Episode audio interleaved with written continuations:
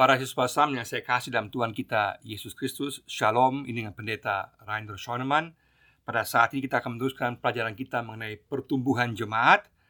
Kita akan melihat bagian yang kedua tentang prinsip-prinsip pertumbuhan jemaat. Kita telah melihat prinsip yang pertama sampai yang keempat. Dan saat ini kita akan sama-sama melihat prinsip yang kelima sampai yang ke delapan. Prinsip yang kelima adalah ibadah yang membangkitkan inspirasi. Ibadah yang membangkitkan inspirasi 1 Tesalonika pasal 5 ayat 16 sampai 19. Maka prinsip pertumbuhan jemaat bagi jemaat-jemaat yang bertumbuh adalah bahwa orang merasa pada saat mengikuti ibadah dia sungguh-sungguh dikuatkan, dia merasa bahwa ibadahnya mengasyikan dan membuat dia sehingga bisa bertumbuh secara rohani dan ada juga semangat rohani dan juga semakin bisa mengenal Tuhan. Artinya orang sungguh-sungguh datang dan pulang dengan cara yang berbeda. Pada saat dia datang, dia mungkin terpukul, dia mungkin frustrasi. Pada saat dia pulang, dia merasa dikuatkan, dia merasa mendapatkan pengharapan baru dan juga semangat baru untuk menghadapi kehidupan sehari-harinya. Nah, ibadah yang inspirasi ini dapat bersifat liturgi, bersifat liturgi yang bagus, tradisional tapi dikemas dengan cara bagus, tetapi juga bisa dalam bentuk yang lebih bebas, yang lebih semangat. Maka bukan cara ibadahnya, bukan pola ibadahnya yang menentukan, tetapi kualitas ibadah secara keseluruhan yang sungguh-sungguh membangkitkan inspirasi sehingga orang-orang merasa sungguh-sungguh diberkati, dikuatkan, ditolong dan semakin memahami firman Tuhan lewat ibadah tersebut.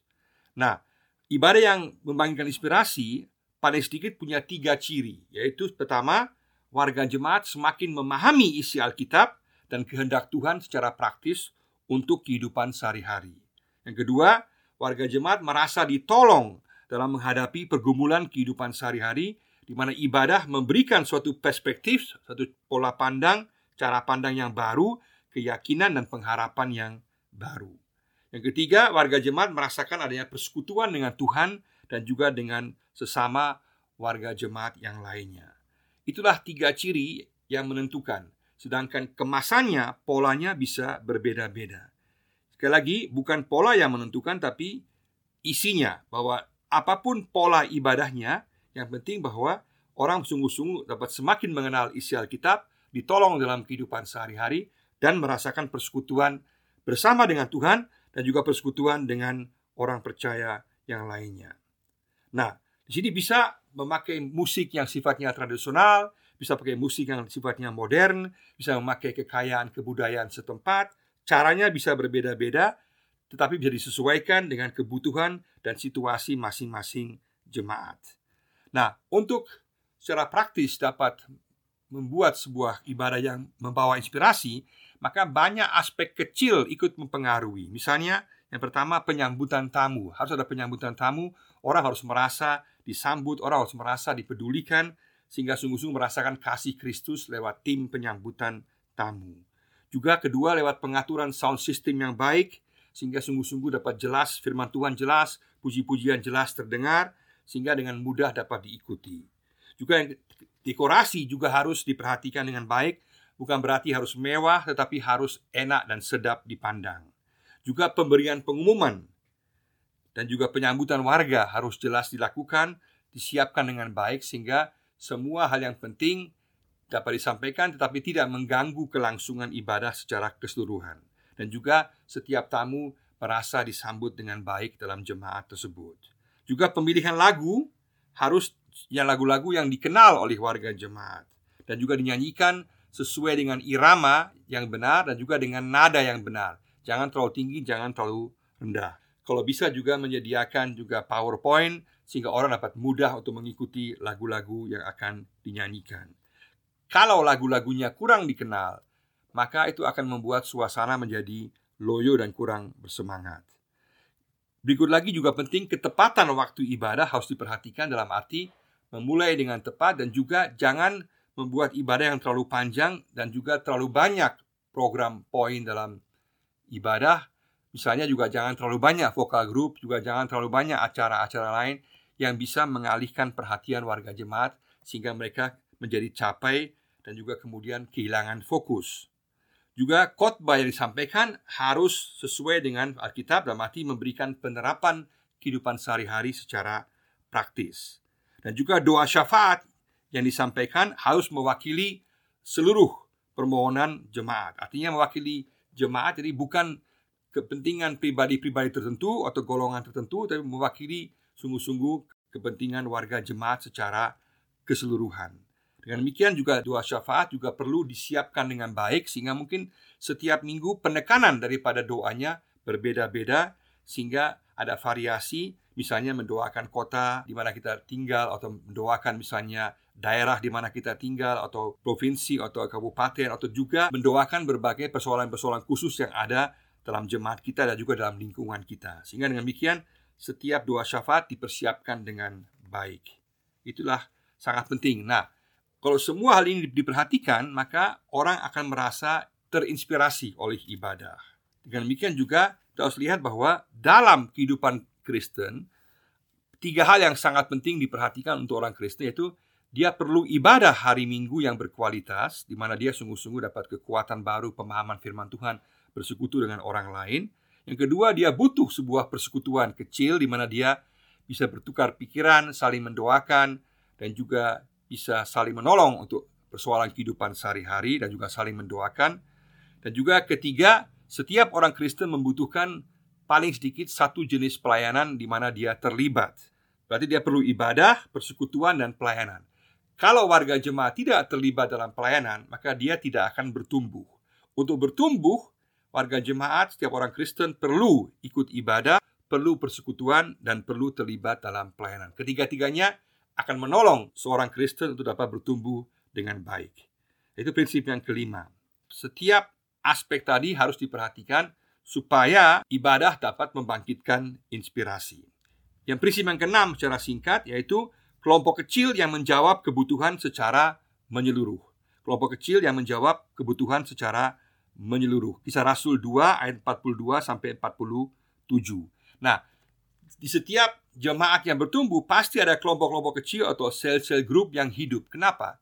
Karena dalam ibadah hari Minggu yang besar, mungkin orang tidak saling mengenal dengan baik. Tetapi dalam kelompok-kelompok kecil, orang-orang dapat saling mengenal, saling mendoakan, dan juga dapat menanyakan berbagai pertanyaan, mendiskusikan berbagai hal yang kurang dimengerti dari apa yang telah dikotbahkan atau yang sedang berada permasalahan dalam kehidupan sehari-hari mereka.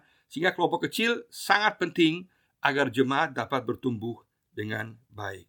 Nah, dalam kelompok kecil ini juga sangat penting bahwa pola persekutuannya harus bersifat lebih bebas dalam arti menekankan lagu-lagu, doa dan pujian yang dalam situasi yang lebih santai sehingga sungguh-sungguh orang merasa betah dan tidak ada kekakuan apa pun dalam situasi suasana tersebut. Dan juga tujuan daripada persekutuan adalah untuk dapat menerapkan firman Tuhan dalam kehidupan sehari-hari dan juga dengan mendoakan warga jemaat yang dalam kelompok tersebut. Nah, sebuah kelompok kecil perlu memperhatikan beberapa hal. Pertama, sifat kekeluargaan, artinya tidak formil. Kedua, adanya penyampaian firman Tuhan dengan kemungkinan diskusi dan penelahan dan penerapan firman Tuhan. Juga ketiga, adanya pertolongan rohani dan praktis bagi pergumulan kehidupan sehari-hari. Empat, adanya puji-pujian yang bersemangat dan bervariasi sesuai dengan selera dan struktur kelompok tersebut. Dan kelima, adanya kehidupan doa yaitu saling mendoakan. Dalam doa akan ada aspek-aspek yang sifatnya umum, bersifat syukur, dan sekaligus juga ada doa yang sifatnya pribadi untuk persoalan-persoalan kehidupan masing-masing anggota kelompok tersebut yang dibawa di hadapan Tuhan. Kelompok-kelompok kecil ini juga sangat penting untuk menolong secara pastoral. Kenapa? Karena dalam kelompok kecil mereka akan saling mengenal satu dengan yang lainnya sehingga dapat mengerti jika ada persoalan kehidupan yang, yang menimpa mereka sehingga dapat menjadi pertolongan pertama dalam mendampingi anggota kelompok yang sedang mempunyai masalah atau pertanyaan dalam kehidupan mereka. Dengan demikian, kelompok kecil menjadi juga kelompok pastoral di mana mereka saling menguatkan, saling menolong dan juga saling mendukung dan saling mendoakan dalam kehidupan sehari-hari. Dalam kelompok kecil juga harus diperhatikan bahwa pengajaran-pengajaran yang disampaikan juga perlu dievaluasi dari waktu ke waktu.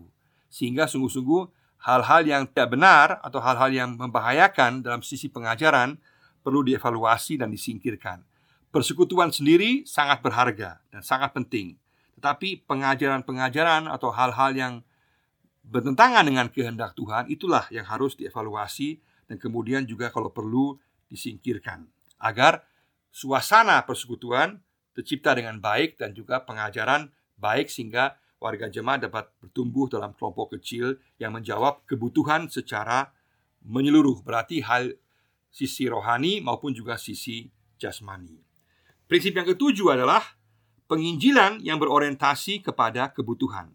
Penginjilan yang berorientasi kepada kebutuhan. 1 Korintus 9 ayat 20 sampai 22.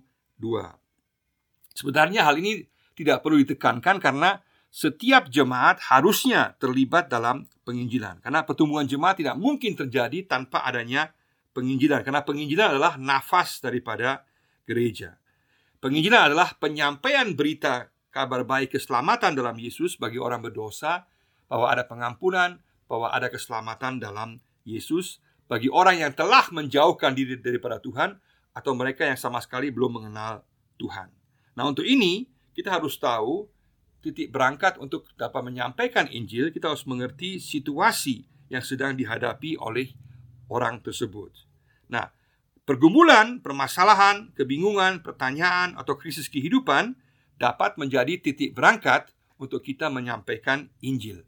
Artinya dalam penyampaian Injil, kita perlu dua mata, dua telinga, dan satu mulut. Artinya kita lebih banyak melihat, mendengar, dan kemudian baru kita berbicara. Artinya kita menjawab pertanyaan, pergumulan, permasalahan yang sedang dihadapi oleh orang tersebut. Sehingga jangan sampai terjadi bahwa orangnya bertanya A, kita jawab B. Dalam bahasa Papua, kita harus menggaruk di mana gatal. Kalau kepalanya gatal, jangan garuk punggungnya. Artinya, kita harus menjawab pertanyaan pergumulan yang sedang dihadapi orang tersebut. Ini berarti kita perlu kepekaan dalam penginjilan, kita perlu berdoa pada Tuhan agar Tuhan membuka mata kita agar kita menyampaikan Injil itu sesuai dengan situasi kebutuhan yang sedang dialami orang yang sedang kita layani. Nah, dengan demikian maka pergumulan, kebutuhan, kebingungan, pertanyaan dan krisis akan menjadi titik masuk untuk kita bisa menyampaikan Injil keselamatan Yesus. Misalnya ada krisis keluarga, ada penyakit, ada ketakutan akan kuasa gelap, atau juga ada kegagalan bisnis atau sekolah atau kuliah, atau takut dibikin, takut dikutuk, atau tidak mempunyai kepastian keselamatan, atau ingin lepas daripada kebiasaan dosa, atau tidak memiliki ketenangan. Ada banyak sekali hal-hal yang merupakan masalah-masalah yang dapat menjadi titik berangkat, titik masuk untuk kita menyampaikan Injil. Dalam Matius pasal 13 ayat 44 sampai 46 dikatakan bahwa Injil digambarkan seperti mutiara yang berharga. Nah, mutiara itu kilauannya banyak sekali. Injil juga sama, kilauannya banyak sekali. Berarti apa yang menarik dari Injil berbeda dari satu orang kepada orang yang lain. Bagi orang mungkin di Papua beda sama orang di Toraja, orang di Jerman, dan juga tempat-tempat lain. Dari pribadi ke pribadi juga bisa berbeda karena Injil sedemikian kaya seperti mutiara yang berkemilauan, yang kemilauannya begitu banyak sehingga kita harus lihat bahwa setiap orang tertarik oleh bagian Injil yang berbeda. Sehingga kita harus tahu hal apa yang menarik bagi orang tersebut tentang Injil. Dan itulah titik berangkat untuk kita kemudian menyampaikan Injil. Maka sesuai dengan Matius 28 ayat 19 sampai 20 dan juga Lukas 14 ayat 28 sampai 33 ada lima hal yang dapat disimpulkan dalam proses penginjilan. Pertama, perlu ada kepekaan terhadap situasi kebutuhan, krisis, dan pergumulan para pendengar. Perlu kepekaan. Yang kedua, kita perlu ada pewartaan Injil yang jelas dan mudah untuk dimengerti tanpa mengurangi isi Injil itu sendiri. Berarti penyampaiannya harus mudah dimengerti dengan bahasa yang dapat dipahami dengan baik. Yang ketiga, pemahaman para pendengar akan berita Injil perlu diteliti. Artinya perlu kita tanya kembali apakah sungguh-sungguh dimengerti sehingga jangan sampai terjadi salah paham. Yang keempat, pengambilan keputusan untuk menerima Injil dengan memakai rasio akal, kehendak serta perasaan. Nah, dalam gambaran yang Yesus berikan dalam Lukas 14 dikatakan bahwa barang siapa yang mau mengikut Yesus, dia harus sungguh-sungguh membuat perhitungan lebih dahulu. Harus sungguh-sungguh pakai otaknya, pakai rasio, pakai akal, memikirkan untung rugi secara sadar. Jadi Yesus mau supaya kita ikut Yesus secara sadar, supaya kita sungguh-sungguh mengambil keputusan yang jelas dengan kehendak kita, dengan pikiran kita dan juga dengan perasaan kita. Jangan hanya perasaan saja, tapi kehendak kita dan juga pikiran kita sungguh-sungguh mengambil keputusan untuk mengikut Yesus. Nah, dengan demikian maka sangat jelas bahwa setiap pola penginjilan yang bersifat manipulatif yang menakut-nakuti harus ditolak. Karena cara penyampaian kita harus dengan kasih dan juga menyampaikan berita pengampunan dosa dengan cara kasih sesuai dengan kehendak Allah. Dan kelima, pemuritan yaitu pengajaran harus dilakukan kepada setiap mereka yang telah menerima Injil supaya mereka sungguh-sungguh mengerti tentang apa itu dasar-dasar iman Kristiani sehingga mereka dapat bertumbuh dalam pemahaman Injil. Dengan demikian maka penginjilan kita harus berorientasi kepada kebutuhan. Jadi kebutuhannya apa, pertanyaannya apa, masalahnya apa. Tapi setelah orang menerima Injil, maka keseluruhan Injil dan juga dampaknya isinya harus juga dijelaskan kepada setiap orang sehingga setiap mereka yang menerima Injil sungguh-sungguh dapat mengikut Yesus dengan cara sadar, memakai kehendak dengan pikiran, perasaan semuanya bersama-sama. Sehingga dengan demikian mereka menjadi pengikut Yesus yang sejati. Dalam pengalaman gereja, biasanya kebanyakan orang menjadi percaya lewat penginjilan pribadi. Makanya penginjilan pribadi sangat penting. Kebanyakan orang menjadi percaya bukan lewat acara-acara besar, tapi biasanya pertama-tama dimulai dengan kesaksian daripada anggota keluarga atau teman tentang Yesus. Makanya sangat penting bahwa warga jemaat juga dilatih agar mereka mampu untuk bisa menginjili secara pribadi. Sehingga dengan demikian pertumbuhan jemaat dapat terjadi melewat penginjilan pribadi dalam tempat kerja, di keluarga, di sekolah, di pasar, di mana pun kita berada, kita dapat menjadi agen-agen garam dunia dengan menyampaikan Injil kepada orang lain.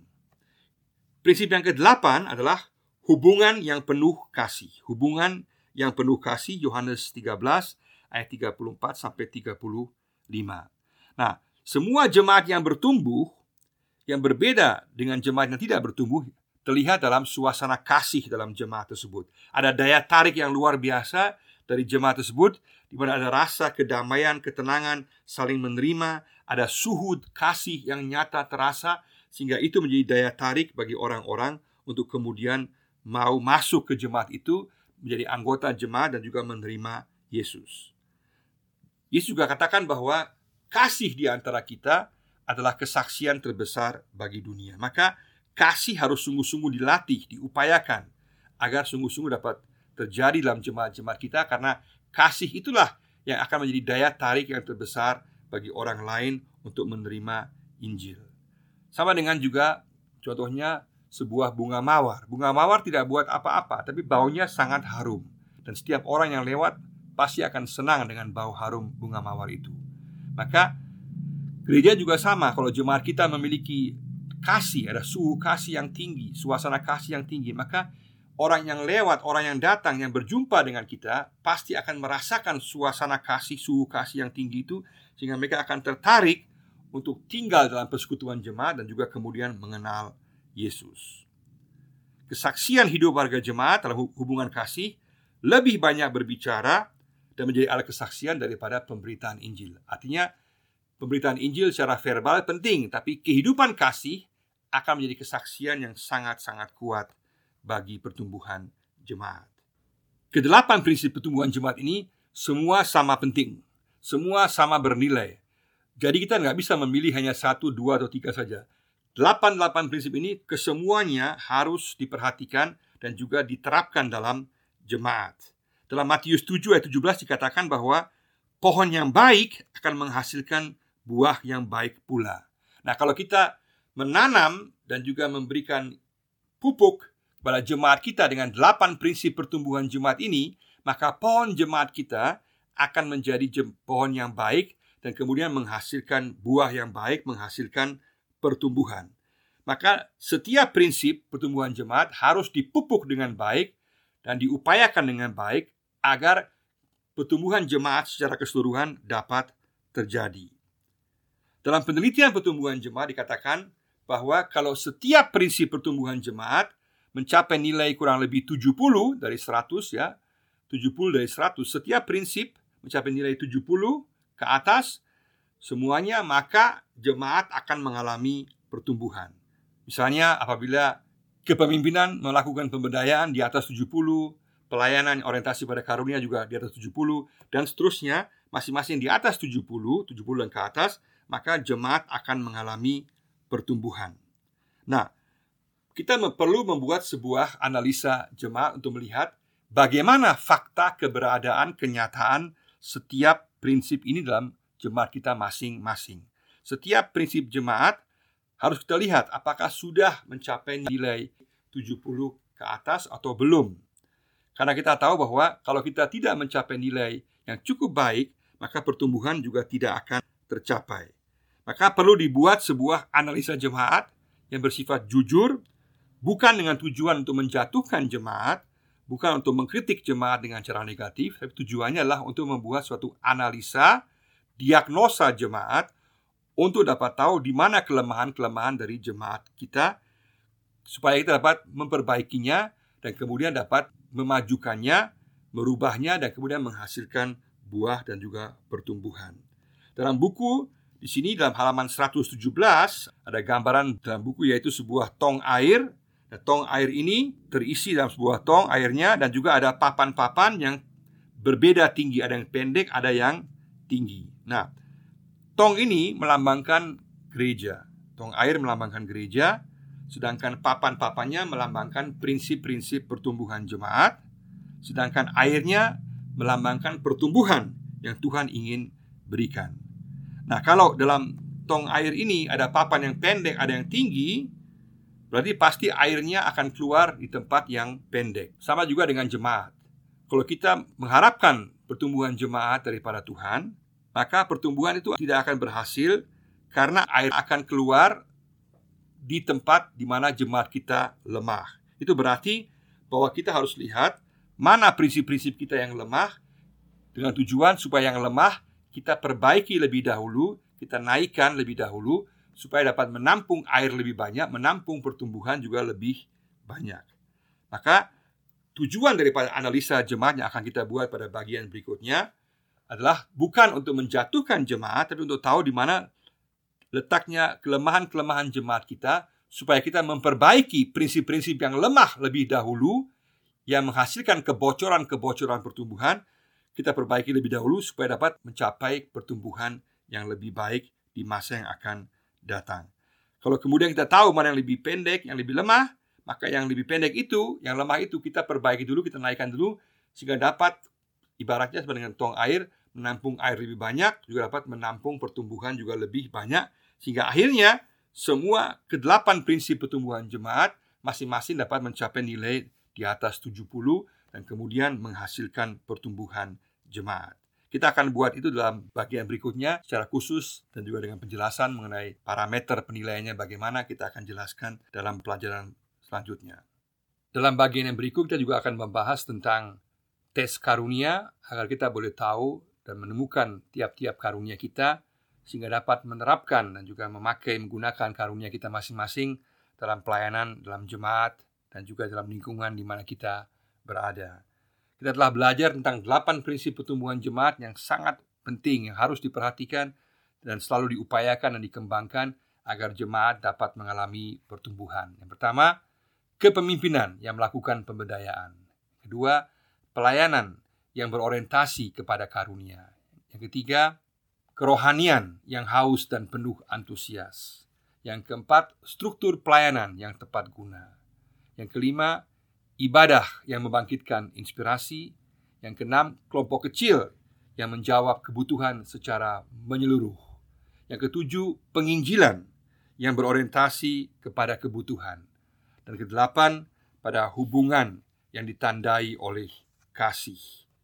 Kedelapan prinsip ini perlu diperhatikan dan perlu dikembangkan agar jemaat-jemaat kita boleh mengalami pertumbuhan.